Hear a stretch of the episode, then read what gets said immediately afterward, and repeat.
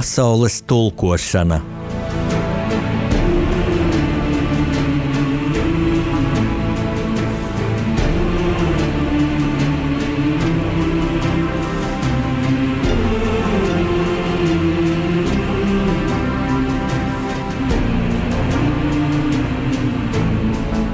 Studijā rakstnieks Jānis Udris.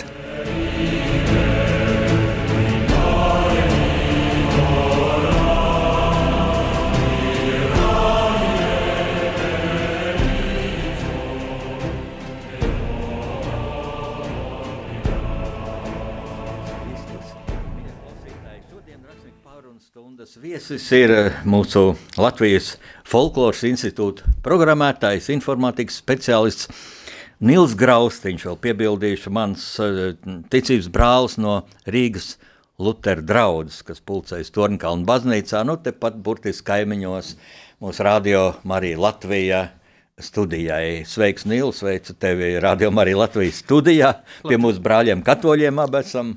Labdien, Jāni, priecīgi sveicu un, un visus Radio Marija klausītājs un priecājos par uzaicinājumu. Paldies par uzaicinājumu, priecājos par jums, pie jums studijā. Jā, es gribu tūdaļ uh, klausītājiem pastāstīt savu motivāciju uzaicinot Nilu. Mm, nu, šis ir uh, Latvijai Es neteikšu grūts laiks, lai gan ir jau grūts, bet nu, katrā ziņā ļoti sarežģīts. Mēs esam neparastos apstākļos.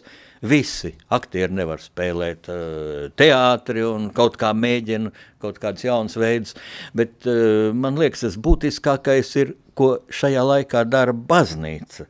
Jo baznīca mēs nevaram pulcēties pilnos dievnamos, kā mūsu Torņkalna baznīca 800 vietas, un es atceros laiks, kad baznīca bija pilna, Nu, tagad mēs to nevaram, e, bet e, mācītāji tiešām es jūtu, nu, es vienmēr esmu jūtas cieņu pret, pret mācītājiem, luterāņu mācītājiem, katoļu priesteriem, bet e, šoreiz Īpaši es gribu teikt lielu paldies mācītājiem, ka viņi atrod veidus, kā noturēt dievkalpojumus, izmantojot tehniskos līdzekļus. Mūsu Tornkalna baznīcai šogad apritēja 130 gadi, un šai sakarā bija Rīgas Lutera draudzes mācītājs Linards Rozentāls, eh, Radio Marija Latvija viesis. Uh, manā rakstnieku pārunu stundā mēs saņemam daudz atsauksmes par to, ko Linnārds pastāstīja. Un ļoti būtiski Linnārds stāstīja, kā viņš veido šos dievkalpojumus, un tas faktiski notiek līdzīgi, ka internetā ar internetu iespējām cilvēki mājās skatās dievkalpojumu, to sauc dievkalpojums Zoom režīmā. Eh, es teikšu godīgi, es teikšu godīgi, ka es daudz no tā nesaprotu. Un pat arī nu, tā nav laika iedziļināties tajā, jo es esmu rakstnieks, es strādāju pie jauna romāna. Allaž, kad man vajag kādu padomu, tad es prasu Nilam. Un Nils Graustiņš, lūk, ir tas cilvēks, kurš mums Rīgas Lutera draudzē E, nodrošina šo Zoom diev, dievkalpojumus. Pastāst, kā tas ir, vai tas ir ļoti sarežģīti. Tikai Nīl, man ir lūgums, tu esi gudrs, mēs visi to zinām, bet tu lūdzu sāst tā ļoti vienkārši, jo nu, cilvēki nesaprot. Es godīgi saku, es daudz ko nesaprotu, tehniskos terminus un tā, ja. Un mūsu klausītāji tāpat ir, kas ļoti labi saprot. Ir, kas nu, baidās pat dzirdot vārdu dators, internets. Nu, vai tas ir tik briesmīgi? Jā, paldies Jāni, par jautājumu.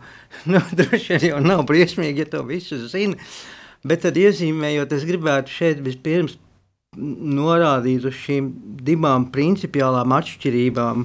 Tu minēji, laikam, YouTube vai neminēji, bet šeit ir divas principiālas atšķirības, ka vienā platformā mēs varam noskatīties dievkalpojumu, un noskatīties dievkalpojumu mēs varam arī vēlāk ierakstā vai varam tieši šeit režīmā Bet šī Zoom platformā, kas ir pavisam cits formāts, mēs, es, es teikšu, mēs piedalāmies dievkalpojumā. Tas ir pavisam savādāk.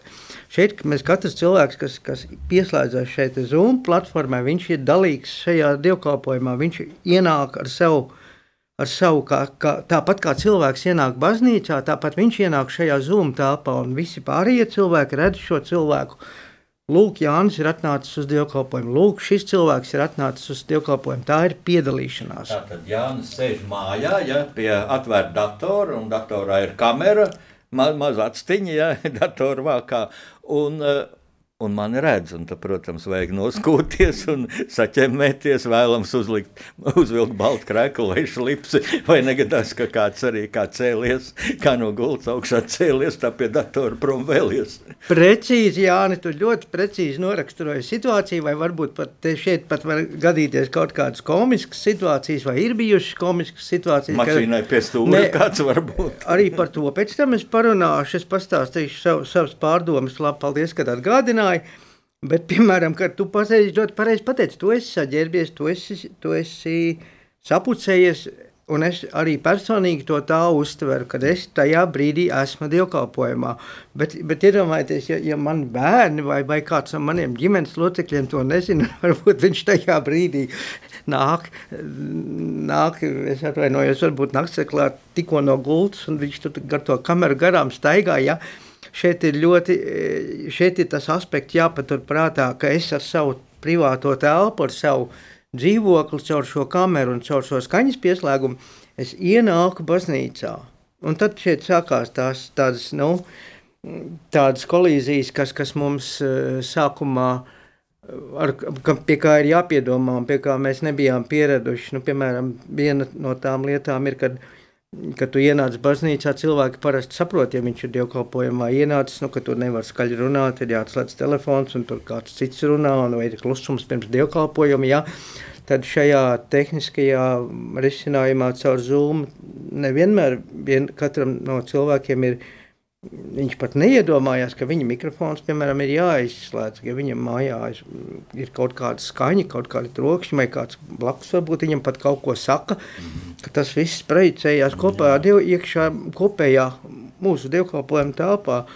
Nu, ģimenes mājas māte, skatās uz dievkalpojumu, vīrs bļavēja, vai tu man kafiju dos vai, vai otrādi, jā, vai, vai, tas vai... ir jāizslēdz. Jā, bet kāpēc es pateikšu, nu, kā es to pirmo reizi, kad skatījos uz dievkalpojumu, tā tad ir redzama baznīca, ir redzams mācītājs, kurš runā pie kancels, bet, bet šīs, nu, televizoru kameras priekšā, internetu kameras priekšā.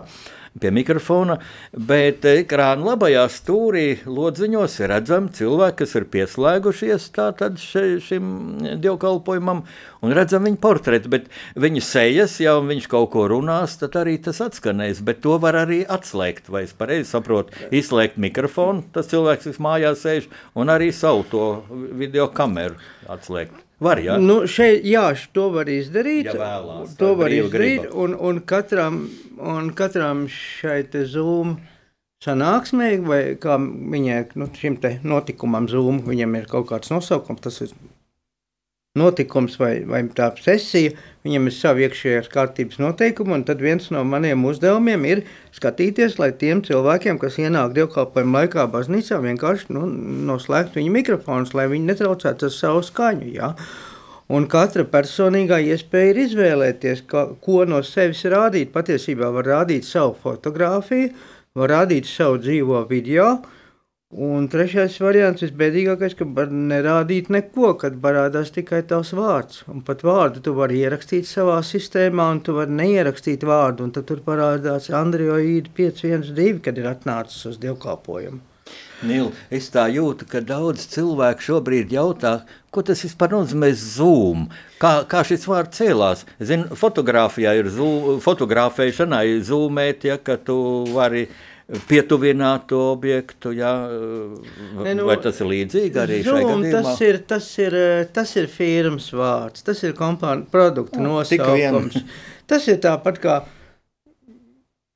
Nu, tas, ir, tas ir produkta vārds, jā, bet, bet, bet kā suga, tas nozīmē platformu, kas nodrošina tiešsaites mītiņus ar video un audio piedalīšanos un tā skaitā ekrāna vai kaut kādu citu datoru materiālu koplietošanu eh, visiem eh, klātesošajiem. Nīl, um, paldies tev! Uh, tas būtu ļoti vērtīgi cilvēkiem, kam ir mājā dators, ja, nu, kas ar viņu jau kaut ko dara. Ja? Kaut vai nu, teiksim, rakstniekam dators ir kā tāda nu, supermoderna un ērta rakstā mašīna. Ja, ja rakstā mašīnā, ja tur ir kļūda, tev tūlīt jālabo un jā, jāpāraksta. Ja, bet šeit tu vari izņemt un pārlikt vietām un tā tālāk. Tā tālāk. Bet daudziem cilvēkiem nav uh, zināšanas un nav arī pats dators. Es tā kādreiz dodu padomu, nu, mūsu klausās dažādi pauģu cilvēki, jā, arī e, daudzi cienījami vecākās paudzes cilvēki. Un, un kādreiz es par tām datorlietām saku tādu padomu, kas nebūtu nav joks. Es saku, ja tu nesaproti, jā, savas paudzes, vecākās paudzes cilvēkiem, es saku, ja tu kaut ko nesaproti pie datora, paprasti mazdēliņam vai mazmeitiņai. Jo mazajiem, ja jaunai paudzei, viņiem kaut kā tas jau ir gēnos iekšā šīs prasmes tev ir eh, meitiņas arī, tu tā ievēroji to. Nu, jā, jaunā paudze to ir izaugusi. Viņa no, no dzimšanas pie tā klāt. Viņiem tas ir tāpat kā manai paudzei. Es nezinu, es varētu teikt, ka varbūt automobīļa pedāļi ir gēnos, kas jau jā, jā. mazs bērns brauc pie vecā tēva automobīlī. Man taču nebija nekādas problēmas piesiesties pie automašīnas un un spēļot pedāļus. Es visu brīnišķīgi pārzināju, visas pedāļus mašīnai. Bet jā. Tagad ņemsim tādu cilvēku, kas zina, mūsu Lutera draudzē ir daudz tādu, ja gados veci cilvēku, kundzes, vientuļas kundzes, pensionārs.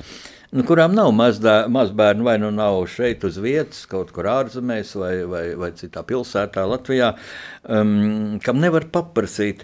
Un šeit es gribētu dot tādu padomu. Paskatieties apkārt, jums pietrūkst iespēja aiziet uz dievkalpojumu, un um, mm, nu, pietrūkst šī iespēja sekot uh, dievkalpojumam Zoom režīmā. Um, paskatieties, jums ir brīnišķīgi kaimiņi varbūt, ja? Kas kādreiz, kad nebija šī karantīna, veda jūs dievkalpojumu. Mūsu draudzē bija tāda kustība arī, kad cilvēkam ir automašīnas pieteicās, un tad tur koriģēja, kas viņa reģionā dzīvo un veda vecs cilvēks. Es atceros, es Indulu Paiču, kas tagad bija māc, mūsu brīnišķīgs mācītājs, viņš diemžēl aizgāja no mūsu draudzes zinātnē. Um, Viņš veida vienu kundzīti, kas bija stipri paralizēta, un viņš viņu atveda ar mašīnu un burtiski zem rokas vilka. Es domāju, ka viņš savu veco māmu ved. Viņš tad vēl nebija mācītājs, tikai studēja teoloģiju. Un izrādās, ka nē, tā bija gluži vienkārši viena kaimiņa kundzīte, slima, un viņš šais kristīgas līdzcietības viņa veida. Tad, lūk, tagad ir kādi jauni cilvēki jums kaimiņos, kam ir dators, uh, Nu, viņas pašas varbūt nu, neinteresē šis dievkalpojums, vai, vai nav laika tam. Ja? Nu, palūdziet viņiem, lai viņi ieslēdz datoru, ieslēdz šo mm, mūsu dievkalpojumu, vai citu jūsu nu, reģionu dievkalpojumu, piemēram, Talsos, vai Dobelē, vai Gulbenē. Es domāju, ka katrā Latvijas pilsētā un dažādu konfesiju draugzēs tas tā notiek. Nezinu par Lutāņu draugiem, Rīgas Lutera draugs, Garkalns draugs, kur tā notiek. Uh, Un tos parametrus tagad es tev lūkšu, Nīl, pasaki, ja, kā dabūt informāciju. Nu, piemēram, Rīgas Lutera draudzē, tepat rādījumā arī Latvijas kaimiņiem, kā uzzināt, cikos skan, e, kā jā, jāatrod šis. E, Visa informācija par to, kā, kā pie šī zūma piekļūt un kādi ir viņa parametri, ir atrodami gan, gan um, Rīgas Lutera draudzes mājaslapā. Es gribētu atzīmēt, ka kārtība ir sekojoša, kad, kad Rīgas Lutera draudzes mājaslapā ir nopublicēti šie zūma parametri. Tur ir tās zūma, tas identifikātora numurs un arī parole. Diemžēl zūms prasa paroli, to no tā nevar izbēgt. Un, un šie, šī, šī parole nekad nemainās. Viņi tur ir ierakstīti konstanti, un dievkalpojums katru svētdienu ir pulksten 11. zūmā. Un, un aktuālā informācija ir Facebook uh, māju, sadaļā Rīgas Lutera draugs nopublicē, un arī Rīgas Lutera draugs apkārtrakstā, kas tiek izsūtīts pa e-pastiem, un uz kuru var pierakstīties, lai tos e-pastus saņemtu. Tā kā, nu, tā to var atrast. Jā, un pēc tam dievkalpojumu var arī, kas ir postfaktum, ja pēc tam atrast internetā un noskatīties, ja tā ir laikā. Es gribētu nedabūju atzīmēt vēlreiz, ka tās ir divas dažādas lietas. Šis tiešsaites dievkalpojums Zumā, kur mēs sanākam kopā un kur arī tiešajā laikā un tiešajā ēterā mācītājs nolasa sprediķi. Šīs dievkalpojums pēc tam e, mēdīju vidē nav pieejams. Tas ir tāpat kā dzīves dievkalpojums baznīcā. Ja tu esi nokavējis, tad tu esi nokavējis. Bet ir pieejams ieraksts un ierakstu tu skaties, bet ierakstā tu vairs nepiedalies, jo tas ir pagātnes ieraksts, kur tu vari noskatīties. Tā ir atšķirība. Jā, skaidrs. Nu, es jūtu, ka te ir klausītājiem liels birums informācijas. Tāpēc es pieteikšu muzikālo pauzi. Jā. E, dziesma būs neparasta, reti skan uh, uh, radio viļņos. Klausamies!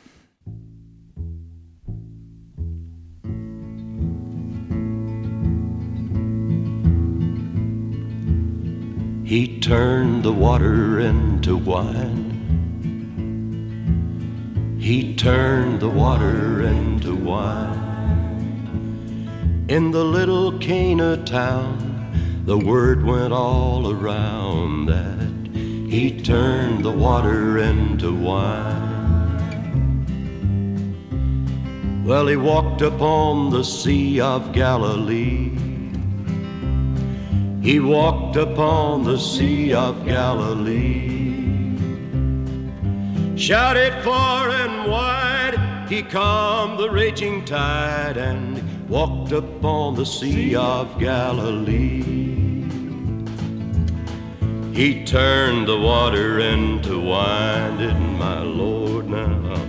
He turned the water into wine. In the little Cana town, the word went all around that he turned the water into wine. He healed the leper and the lame.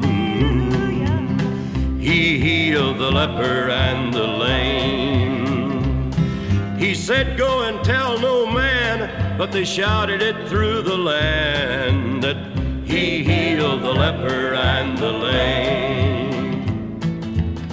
He turned the water into wine, did my Lord now?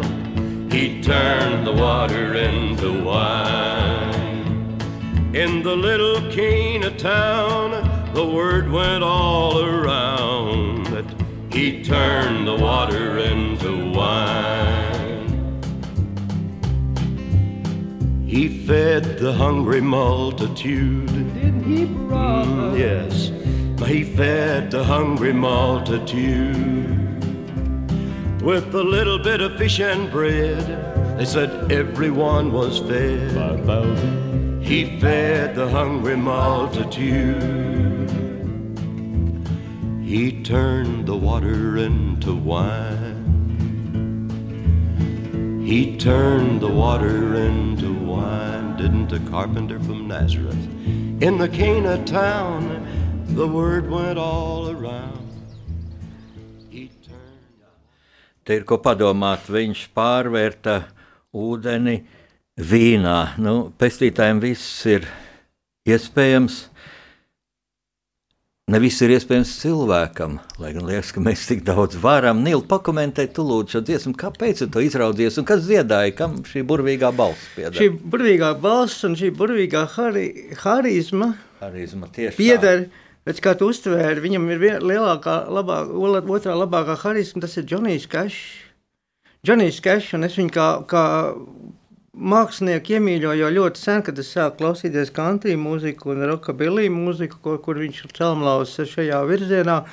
Un tad es pēc tam, pēc kāda laiciņa atklāju, ka Džonijs Kešs tieši apmek, ceļojot, apceļojot Izrēlu, ir sarakstījis šīs dziesmas, šo, šo albumu, un šī dziesmā viņš precīzi apraksta jēzus brīnums, apdzied savā dziesmā un kopā ar man tik iemīļoto country un rockabilly viņa, viņa, viņa izkopto stilu. Un tāpēc man šī dziesma ļoti uzrunāja. Viņa man e, no diviem aspektiem tuva. Gan kā, gan, gan, gan, gan kā stila žanriski, gan arī saturiski.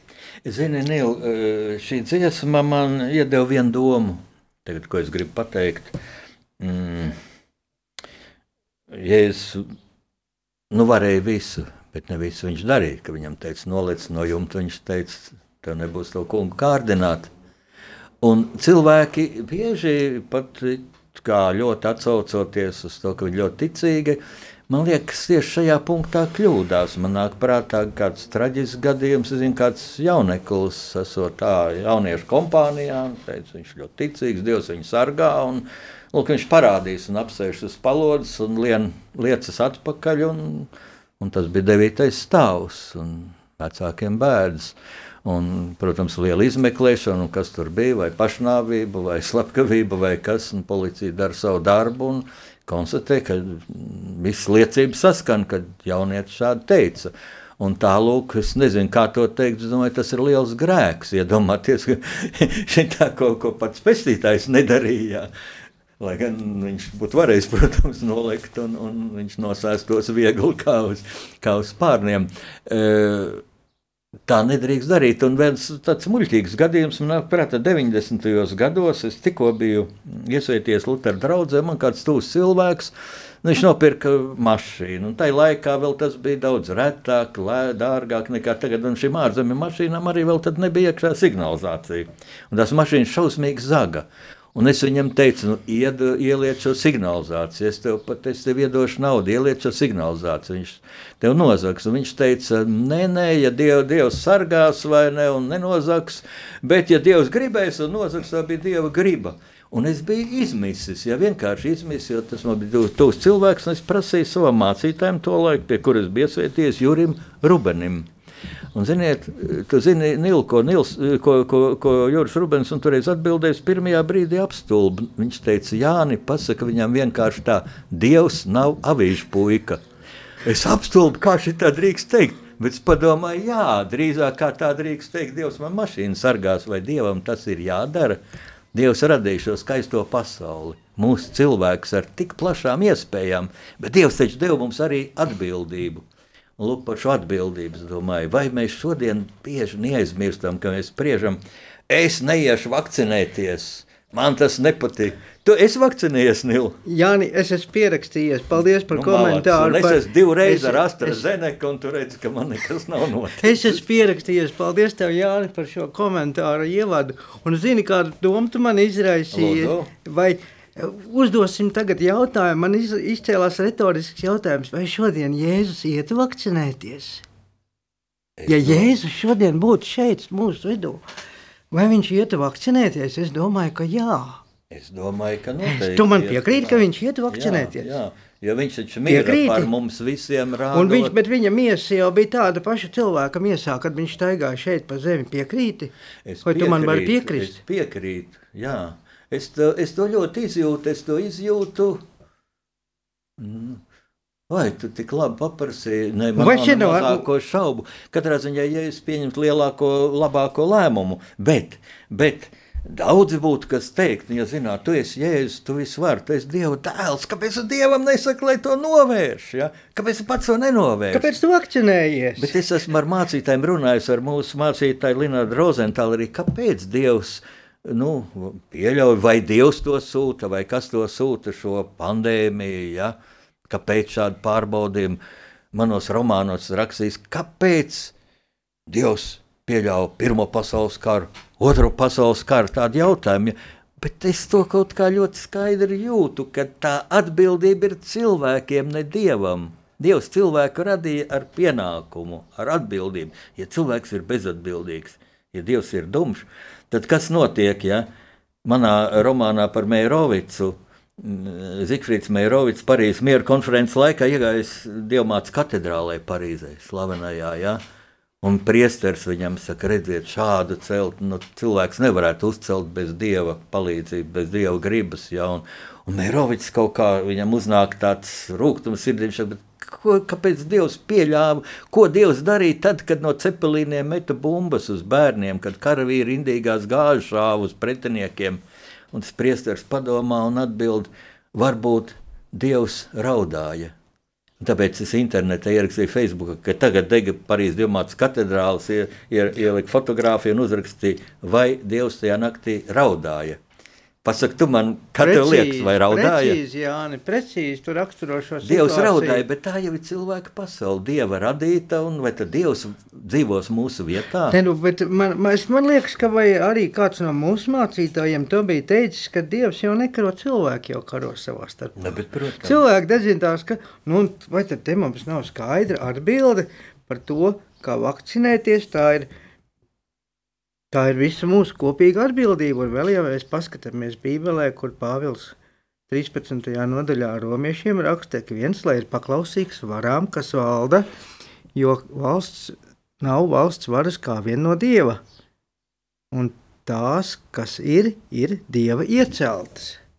Ja mēs arī paskatāmies šeit, Bībeles kontekstā, es domāju, viss ir, ir, ir, ir ļoti skaidrs. Un, un, Un, un patiesībā par šo, par šo principu stāsta anekdotas. Es tagad atceros, ka par šo principu ir, ir, ir, ir kristiešu anekdotas, kad, kad, kad gal galā tu esi kaut kādā mērā arī pats atbildīgs par to savu, par to savu mašīnu, par to savu veselību, par to savu vakcīnu.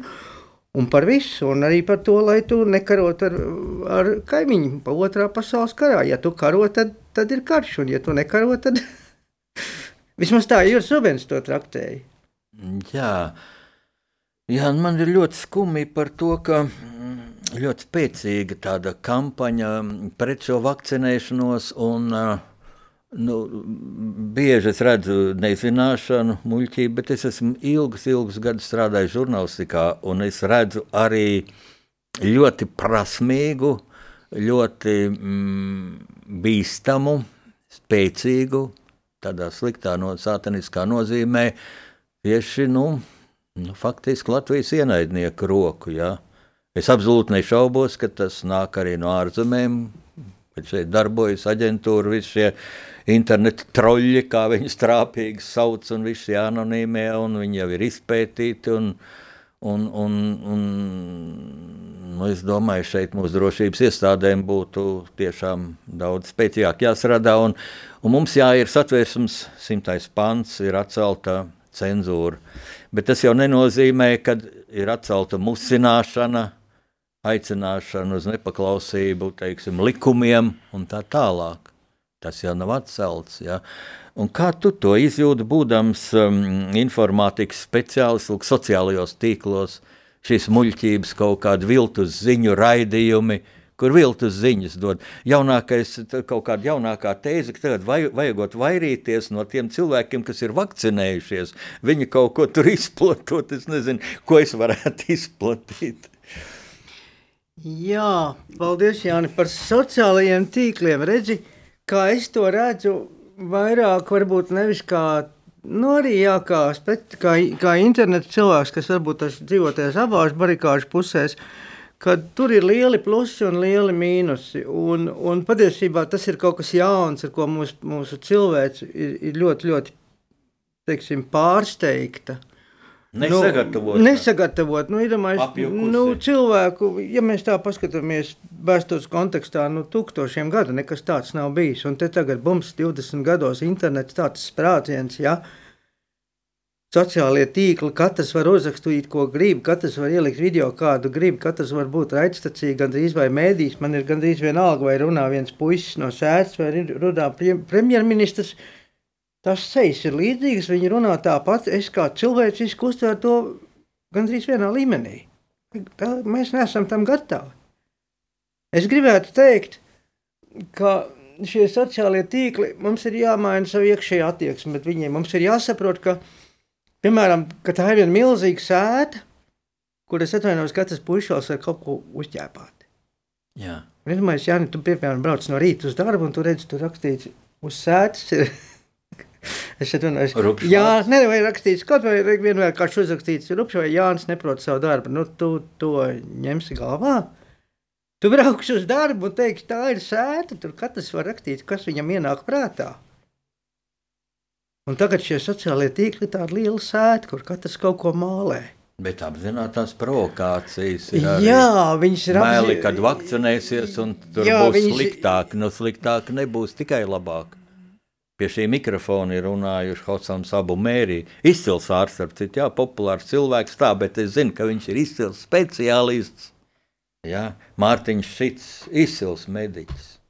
Un vēl, un vēl Anatolijas Danilāns, kurš pats gan arī saslim, bet nu, viņš arī visi saka, vakcīna, nē, tiesa. Es dzirdēju šos rādījumus tieši tā, Jāni.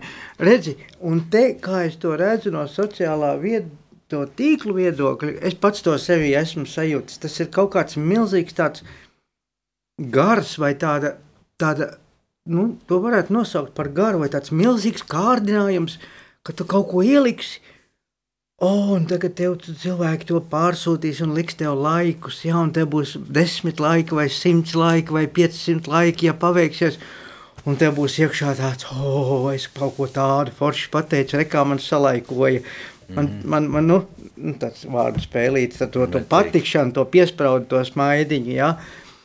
Un tad es braucu šurp, un es domāju, ka mēs neesam iemācījušies. Mums tā īsti neiet fiziskajā dzīvē. Mēs tā piesprāstam, tā katram tā, tādu smaidiņu vienu klāt.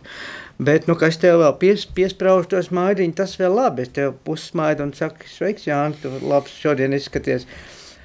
Bet tas sociālais tīkls ir uztaisījis to, ka tu tos savus smaidiņus izkarīni, un viņi te redzam, ka tev ir 30 smaidiņu šodien.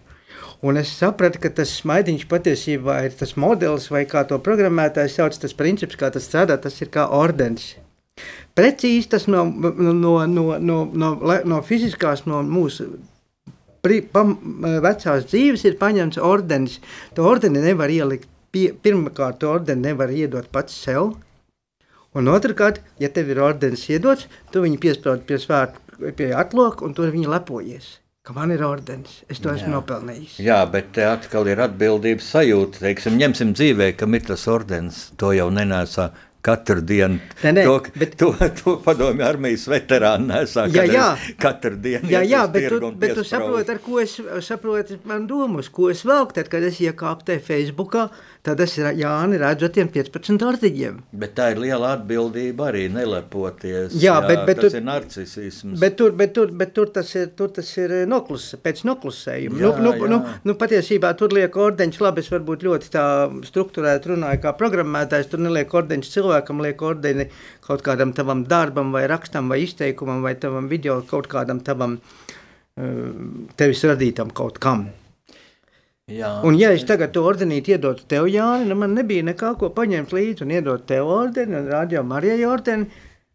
Ordenīts, maz ordenīts no manis, Nila ordenis. Lūdzu, tev Nila ordenis šodien. Un tev būtu, Paldies, jā. un tev būtu 15 ordeņi šodien, jau būtu Nila ordenis, vēl kāds Pētera ordenis varbūt. Un, un, un tā tas, es tā to redzu. Bet, jā, bet es gribu tev jautāt par kādu, nu, bīstam tendenci, kur jau es minēju kur apzināts provokācijas un pie tam anonīmi, jā, sociālajos tīklos iespēja arī anonīmi komentēt un ar kaut kādiem dumjiem pseidonīmiem, bez sejas, jā, un, eh, un tu redzi, ka tas ir naidīgi, naida komentāri un, eh, un tāpat par, nu, Ko tu ieteiktu kā dators speciālists? Es, piemēram, nu, nesen parādījās vienā sociālajā tīklā mm, kaut kāds ārzemju franču, kaut kāda vai firma, vai kas neprot franču valodu, kas tur kaut ko reklamē.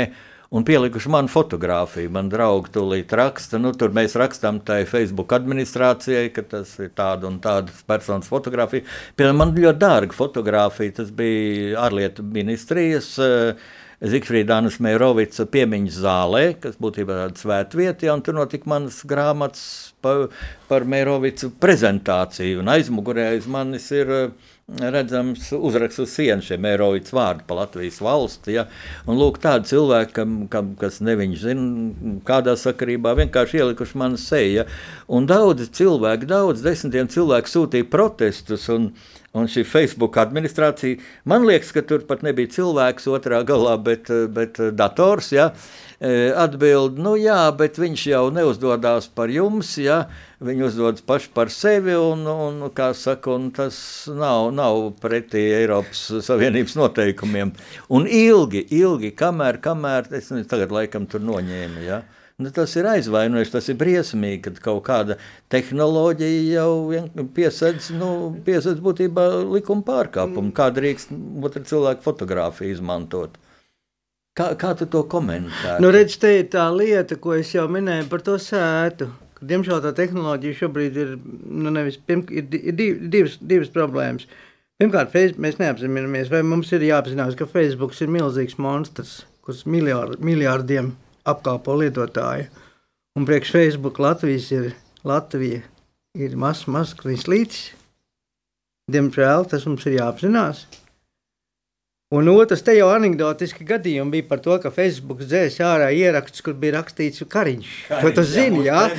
Kariņš, un viņš ir iz, izdo, piemin kari, Kariņu, tad tu domā, ka tā runā par, ka tu tagad aicini kādi karot, jā? Un interesanti, ka Māra Zālīte tajā komentārā, cik es zinu, bija pozitīvi vērtējis. Jā, ka nu, bet tomēr Facebooks nav jau tā, ka valdība neko labu nedara. Un, jā. un, un, un, un pagaidām tur īsti.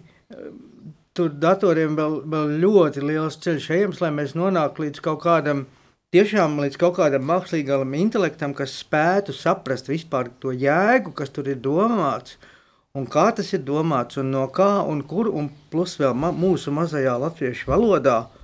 Nīl, bet tu tikko minēji divus vārdus, kas man eh, atzīšos uz šarmuļus, mākslīgais intelekts. Vai nav tā, ka mēs, es zinu, zinātnieki pēc šo mākslīgo intelektu, un es lasu, vai cik labi jau arvien tuvāk mākslīgam, un, un vai tiešām, es domāju, nejūt, kā, kā mazinās uh, dabiskais cilvēka intelekts. Es kādreiz televīzijā skatos konkursus, ja, un tur ir skolēni un labākie skolēni. Ja, un viņi nezina tik elementāras lietas, viņi nezina, kas ir Gunārs Priede, un viņi nezina, kur ir garākā Latvijas upe, un, un tādas lietas, nu, nu, nu šausmīgi, un tie ir labākie. Ja. Bet, bet viņi zina, kā zūmam pieslēgties.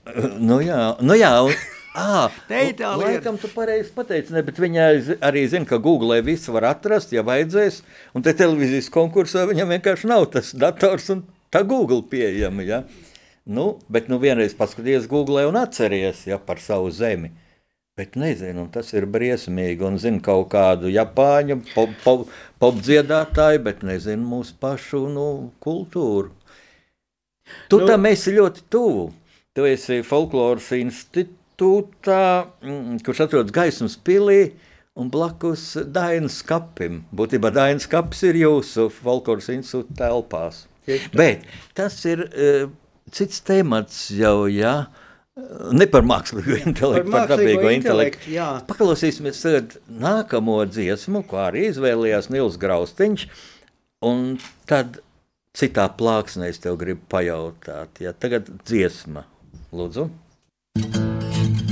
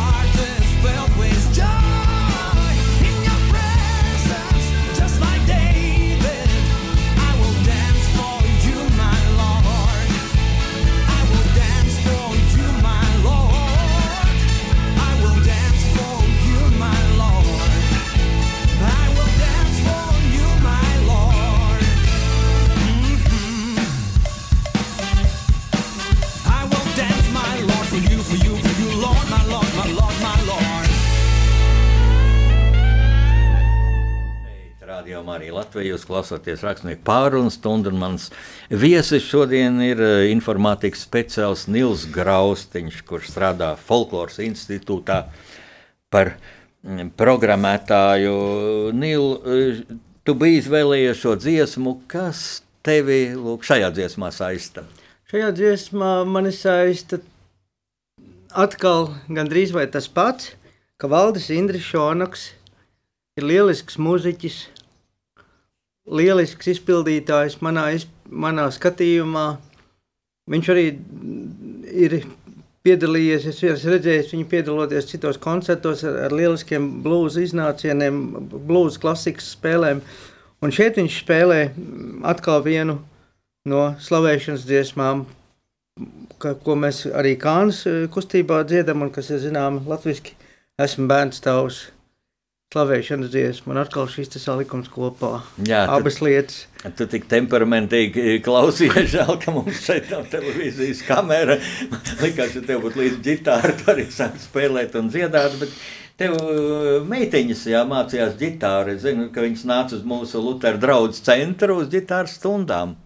Jā, tas bija jau labu laiku atpakaļ, kad Kaspars Zemītis mūsu draudzē organizēja ģitāras nodarbības un, un arī ar, izrietoši no tā arī slavēšanas un kalpošanas uh, grupa bija, kas, kas ģitāra, bērnu ģitāra ansamblis piedalījās dievkalpojumos. Jā, un mans meitas tajā laikā uh, guva labus pamatus ģitāru spēlē pie Kaspara Zemīša. Viņš ielika šos te pamatus un tad jau pēc tam, tā teikt, aizgāja. Bet, Tu zini, tu saki, kalpošanas darbs. Ja? Man uh, šie vārdi man ļoti patīk. Ja? Es uzskatu, ka es arī šeit daru kalpošanas darbu, kā rādījumā arī Latvijas brīvprātīgais. Pie tam vēl Lutāns pie brāļiem, katoļiem. Es te jū, re, eh, jūtu tādu lielu. mm, Nu, Latvijas spēku, liela priekšrocība. Ja? Un bieži šī kalpošana tāda ļoti vienkārša. Kas par zemīti slavens mūziķis, un tā viņš varētu tur uzstāties un tikai, ja, un, un trenēties. Viņš māca bērnus arī brīnišķīgi, ja, jauks cilvēks. Mm, Abi ar savu kundzi zied dievkalpojumos, arī šajos zūmu dievkalpojumos. Un, un tas ir brīnišķīgi. Un tad es tā iedomājos, kalpošanas darbs. Es esmu dzirdējis arī to, ko tas nozīmē. Kalpošana, kalps, kas tas par vārdu, ja kalps. Te divas nozīmes, es domāju, latviešu valodā ir viens tiešām, ja tu tur naudas dēļ kādam kaut kur kalpo tur un, un tur duris virini kaut kādam naudas maisam vai tā, vai, vai, vai teiksim, nu, slavē kādā privātā avīzē, kādu, kādu vienkārši, kas tev labi maksā par to un sāsta muļķības, un tas ir nožēlojami. Bet kalpot Dievam, es domāju, tas ir gods, tāpat kā mesties ceļos, un, un, un kā tik vēl trūk, lai mēs tos ceļos kādu cilvēku priekšā, bet Dievu priekšā, es domāju, tas ir tikai pagodinājums. Un vai tu atceries, Nil, kā mēs pirmo reizi satikāmies Rīgas Lutera draudzē? Situācija, ja tagad klausītājiem dotu variants uzminēt, Dievu. jāmin. Un, ku, un kas tā par vietu Bija bija? baigais konkurss, vai kāds jūs minētu, kur mēs satikāmies? Nu, pasaki vietu. Baznīca, bet precīzāk Precīzāk, baznīcas jumts. uz baznīcu. Pēcīs bērniņos mēs satikāmies Jāni Talkā. Jā, tā bija mūsu mm, pavasara talka, sestdienas talka. Es biju pavisam nesen iesvēties, un mēs talkā tur nu, dažādas darbs darījām, lai sapostu baznīcu. Un, un tikām norīkot draudzes priekšnieks to laiku bija Jānis Volkovs, ļoti cienījams cilvēks, jau viens no vecākajiem locekļiem mūsu draudzē. Brīnišķīgs cilvēks, un viņš mūs nu, norīkoja. Mani, jā, Jāni, vai tu gribētu bēniņos, tur jāpatīr tur visādi Nu, Klami, kā viņš teica, ir. Ja.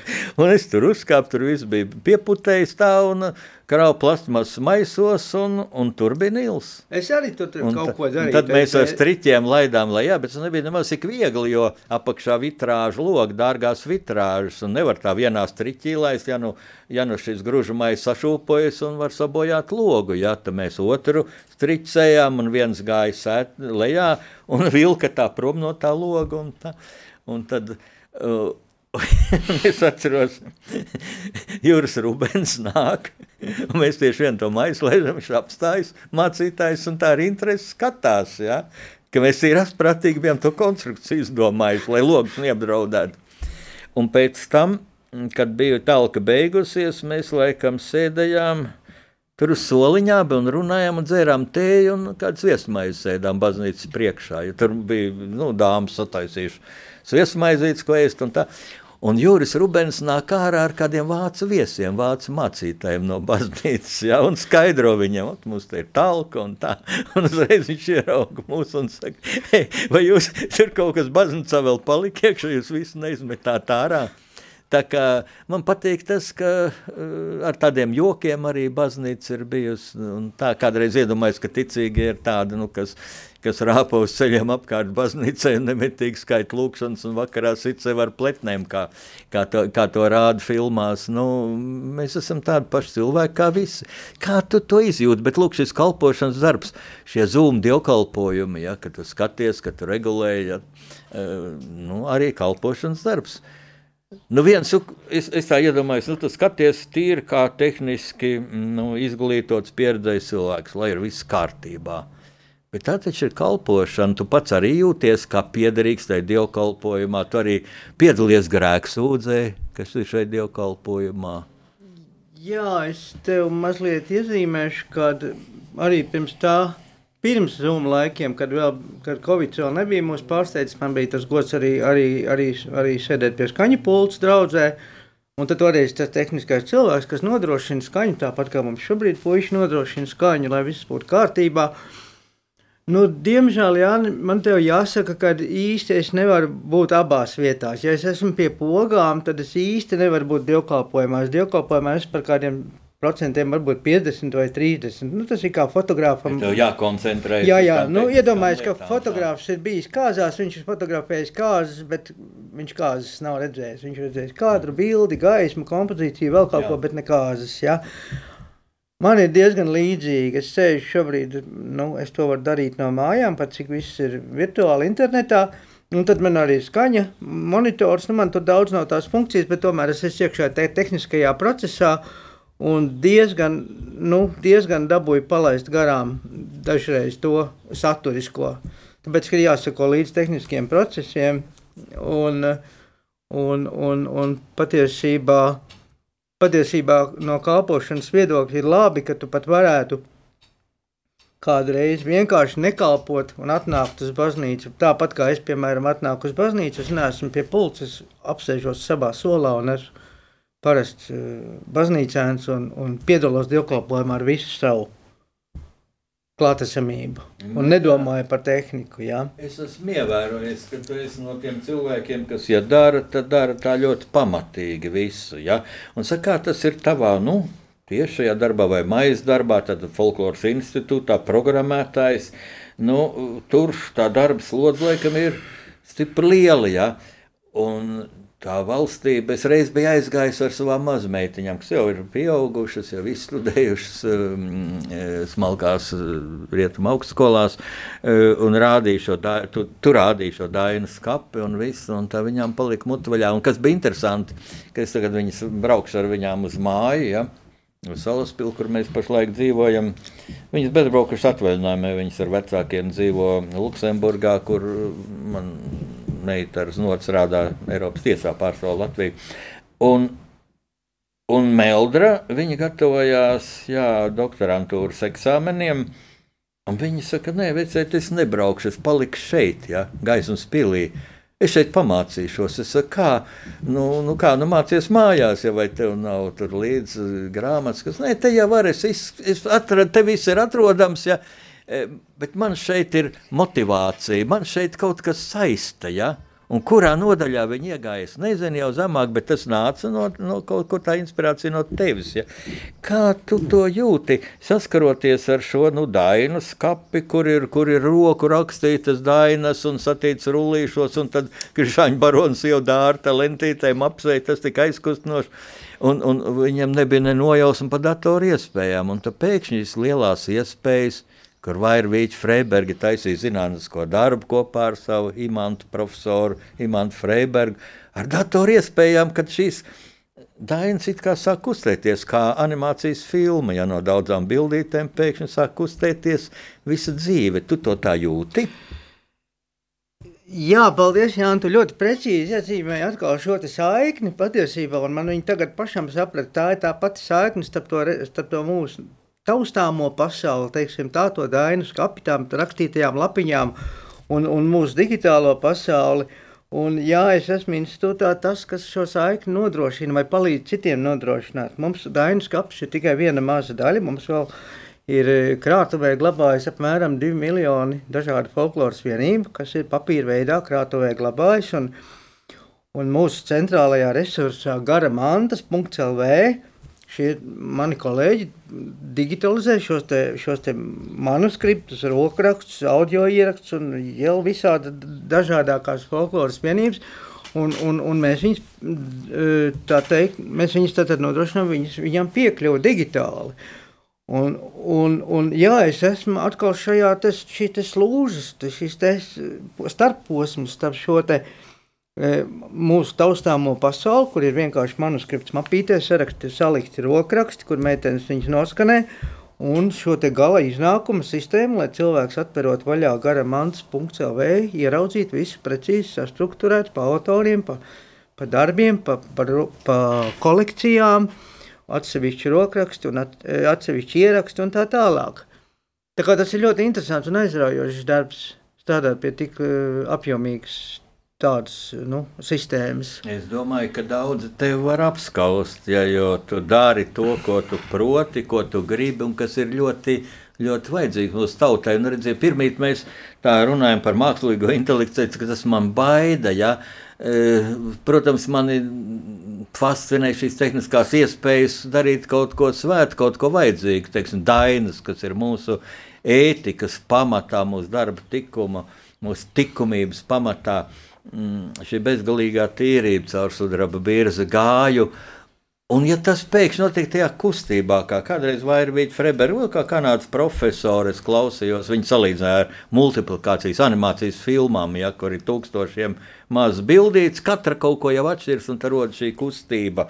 Um, un tad es domāju, ka tās tehniskās iespējas, protams, ir apsveicamas, un, un man liekas, tas, ko Folkloras institūts dara, tu tavu kolēģi, ja, kad attīst šo gadsimtiem, gadsimtiem krāto bagātību, tagad atbilstoši jauniem apstākļiem, ka tas arī cilvēkiem palīdz izprast jaunās iespējas un pareizi viņas lietot. Ne tikai pareizi, bet mēs varam, es varu pastāstīt, ka mēs caur digitālām iespējām šeit iegūstam pavisam jaunus aspektus. Pavisam jaunus aspektus mēs varam paskatīties pavisam citā veidā uz šiem te materiāliem. Vai Es zinu, ka tas ir ļoti plašs temats, ka tam mums nebūs laika. Šis ir pēdējais eh, raidījums šajā sezonā, pēdējais raidījums rakstnieku pārunu stunda pasaules tulkošana. Priekšā ir vasara. Vienā no maniem raidījumiem Hosams Abu Mērī, populārais ārsts, temperamentīgais, nu, latviets, jāteic, viņš sev uzskata jau par latvieti. E, viņš teica, būs vasara, viss būs tik labi ar visiem koronavīrusiem, tiksim galā un tā. Ko tu novēlēsi mūsu radio Marija Latvija klausītājiem vasarā? vasarā? Radio Marija klausītājiem es novēlētu iemācīties kādu vienu jaunu digitālu prasmi. À. Paņemt, iemācīties kaut kādu vien, vienkāršu lietu, piemēram, iemācīties paņemt kādu rādījumu arī ierakstu līdzi sev dabā, aizbraukt uz sev iemīļoto skaisto saulaino atpūtas stūrīti un tur noklausīties vēl nedzirdētu, ziemā nedzirdētu raidījumu pie dabas. Tas gan ir interesanti. Jā, un es no savas puses novēlu, nu, protams, visiem labu veselību. Smelties Protams, sauli, jā, smelties ūdeni. Es pats būšu Dunkas novadā pie Dižjūras, kā tur saucas, nevis pie Līča, bet jau vaļējā jūra. Un uh, nu, atcerieties vienu, ka mums ir ne tikai pienā, tiesības, bet mums ir pienākumi, pienākumi pret citiem. Tātad neko jaunu te vairs nevajag izgurot. Maskas, distance, vakcinēties. Un es staigāju ar masku, kaut arī esmu divreiz vakcinējies. Mīļie klausītāji, rakstnieku pārunas un viesis bija Nils Graustiņš, Latvijas folkloras institūta programmētājs. Brīnišķīgs cilvēks, gudrs, kā jūs visi to dzirdējāt. Nil, paldies tev! Ļoti paldies. interesanti bija, lai Dievs tevi svētī un sargā, mīļā, lai Dievs svētī Latviju.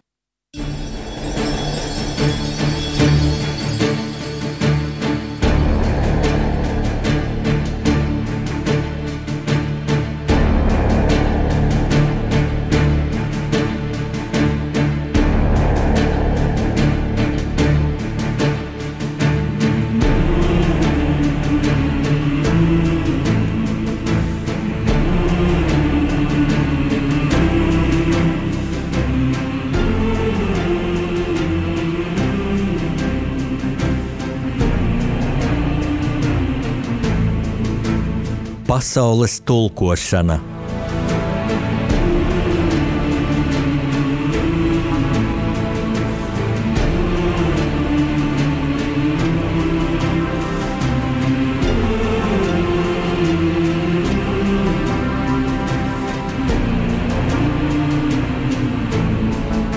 Studijā rakstnieks Jānis Udris.